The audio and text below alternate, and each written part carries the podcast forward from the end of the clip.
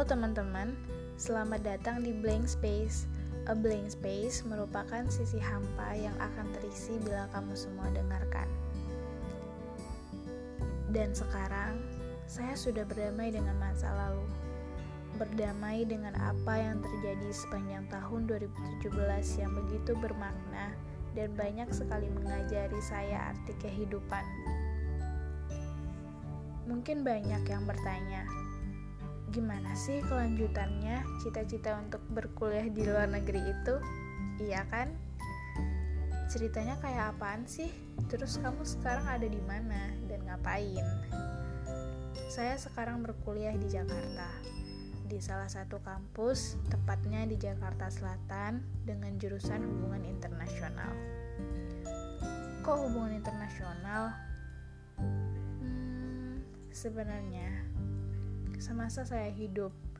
Entah karena saya adalah merupakan seorang anak pertama atau bagaimana, saya sudah terbiasa untuk memutuskan banyak hal sendiri.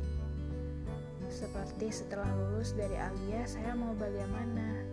Saya harus apa? Kuliah di mana? Jurusan apa? Dan lain sebagainya.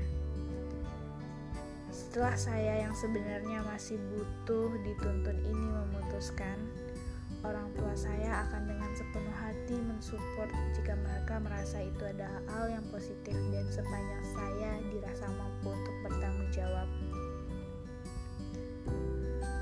Di lain podcast sessions, saya akan ceritakan lebih mendalam perasaan seorang anak pertama yang secara tidak langsung hidupnya dipenuhi dengan pressure.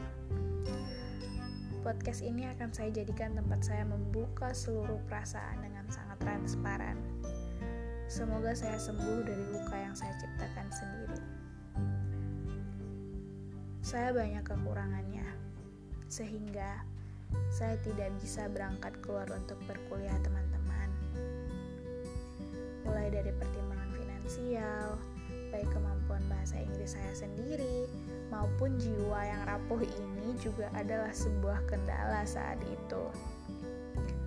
Meski saya diterima bersyarat di dua kampus tersebut yang sudah saya mention di podcast sebelumnya, saya tidak ambil kesempatan tersebut dan saya berdamai dengan mimpi itu untuk sementara. Tapi untuk move on itu tidak mudah, teman-teman.